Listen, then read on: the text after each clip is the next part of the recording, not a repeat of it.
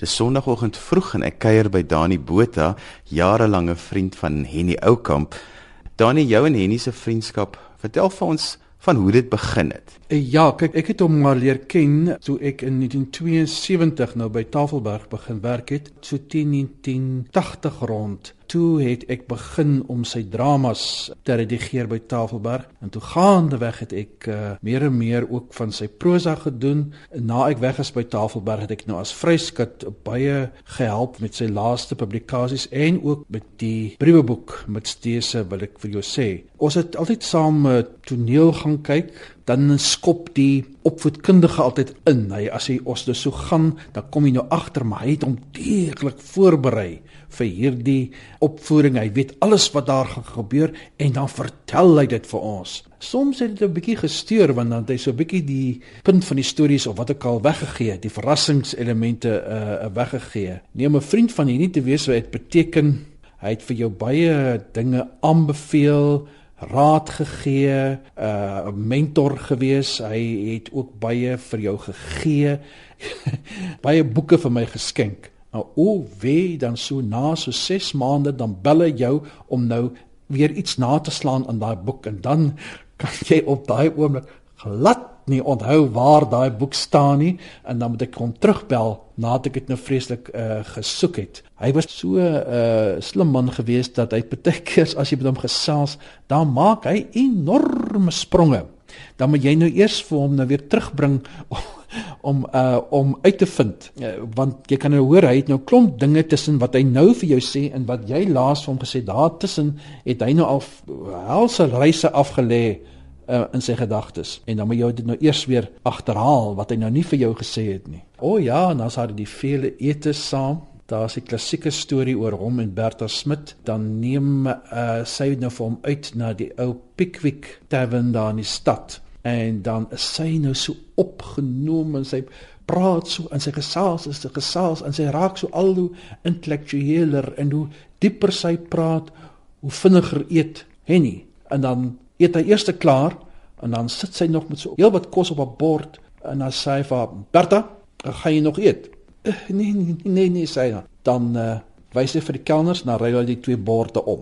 Hy en dit nader glo 'n instelling geword. Die kelners het dop gehou wanneer die bord, sy bord nou leeg is en Bertha se nog net so halfpad is, dan hulle so diskreet moontlik omgeruil. Wat was die bydrae wat Henny gemaak het tot teater in die Kaap en ook in Suid-Afrika? In November 2008 toe het ek 'n onderhoud met hom gevoer oor sy drama bydraes en hy het nogal van my regtig baie oulike antwoorde gegee. Eh, daar word verwag dat as jy dramas wil skryf, dan moet jy of in die praktyk staan, jy moet 'n akteur of 'n uh, regisseur ensovoorts wees, of as jy wil skryf, moet jy teater ondervinding hê. Toe het hy gesê ja nee hy wens hy kon so in die teater werk eh, soos byvoorbeeld Dion Opperman en soos Aresa de Wet maar hy het nou meer staat gemaak op mentors en dan het hy nou 'n klomp mentors genoem die groot een een sy eerste ene was uh, Dr. Conde Villiers wat baie dramas vertaal het van Ibsen en Pirandello. En dan was daar Robert Moore. Ek het van baie geleer oor die teater, maar teen die tyd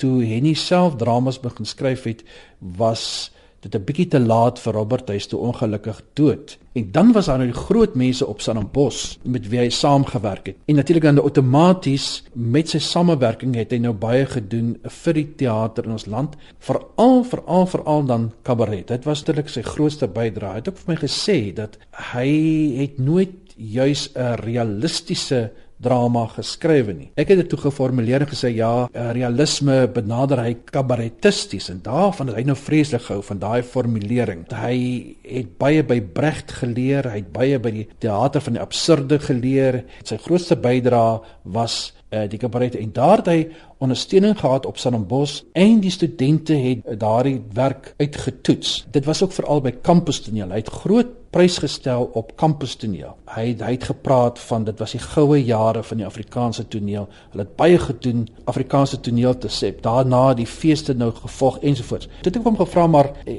was daar nie 'n beperking juis vir die dramaturg nie want word daai dramas deur die studente werklik waar uitgetoets ehm um, volledig soos dit kan hy het miskien nie die rypheid of die ondervinding nie.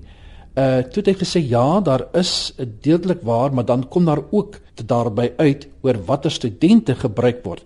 En hy het inderdaad het hy in daai jare uh, saamgewerk met mense wat later groot name geword het. Hy het byvoorbeeld uh Casper de Vries, Nathaniel Marion Holm, daai mense het almal as studente reeds byvoorbeeld nou die stuk uitgetoets, maar dan is dit later aan dan opgevolg deur professionele groepe onder Janice Honeyman en die uh, die mense Juanita Swanepoel het ook baie van sy werk op Stellenbosch weer gedoen. Een van sy interessante mense met wie hy baie in die begin saamgewerk het, was 'n uh, die spraakdosent by Stellenbosch, Rina Botha en sy het dan raak gesien hoe ehm um, Henny se prosa om leen vir die verhoog. Ek sal nooit vergeet daaraan toe Annelies van der Rest, toe nog student, vandag sewende naanse matrone, het sy een aand daar in die voorportaal van die Habitom teater die hartseerwals van Henny aangebied in een gedoke teen die einde, jy weet waar die droefheid haar nou volledig oorval het O jong ou Annelies het vir ons ons emosies aangespreek daardie aand. Nou Rina het baie vir Henny aangemoedig om monoloë te skryf. Ek het dan ook vir Henny belewe by die akademie spelers. Ons het byvoorbeeld sy stuk Papaverwyn opgevoer, 'n maaltyd in 3 tonele en dis uh, opgevoer vir die ADKV toneelfees en met Tilla Diedriks as die formidable moeder in die stuk is dit toe nou met die eerste prys bekroon daar in 1980. Nee, Henny het werklik waar 'n groot bydrae gelewer in die tyd van die kampustoneel en ook vir al die ATKV se toneelfeeste. As jy maar sien dan word 'n Henny Oukamp stuk opgevoer. As jy na sy tekste kyk, dan is dit sy formulerings die spraakbeurte is vreek aforisties kort spitsvondig. Daarmee het Herman Pretorius vir hom veral gehelp of hom gesê kyk jy gee te min teks vir jou spelers. Die spelers kan nie uh, die hele atmosfeer opbou net met daardie paar enkele woorde nie Dan was sy ander bydrae was natuurlik by die Fleur du Cap waar hy jare lank 'n paneellid was. Ek het myself vreeslik geëerd gevoel toe hy uh, oor see gegaan het en ek toe in sy Sabbatsjaar namens hom by die paneel dien. Met sy uittrede het ek toe nou sy opvolger uh, geword en uh, in daardie tyd het hy ook toekennings ontvang van die Fleur du Cap vir sy tekste en dan ook vir sy lewenswerk. Dit was daar in 2004 wat hy bekroon is vir die toneel. Hy was ook 'n vreeke inspireerder. Hy sou byvoorbeeld 'n uh, stukke aanbeveel by die streekrade en so voort. Tekste uh, van oorsee afgebring. Hy tot die bykomende musiek ook vir hulle gegee. Hy kon oordeel oor 'n toneelstuk met so net so enkele woorde, as hy nou nie daarvan hou nie, dat hy net so enkele woorde gesê, gaap, gaap en dan het hom nog so ou laggie na die tyd gegee om dit te uh, te versag. Nou Dani, julle het so baie gepraat en julle het so baie kontak gehad net so om af te sluit. Wat gaan jy mis?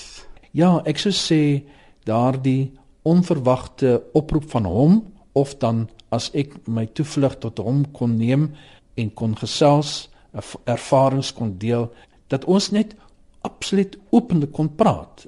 Ek kon feitelik oor alle aspekte van van gay wees, van die lewe, van die letterkunde, van jy kon maar praat. Jong, ek jy laat my nou eintlik uh ys uh ys uh, koud voel. Uh ek het net gisteraand weer uh, toe sê ek bewag, ek moet gou vir Henny bel en met eens besef ek hy is nie daar nie.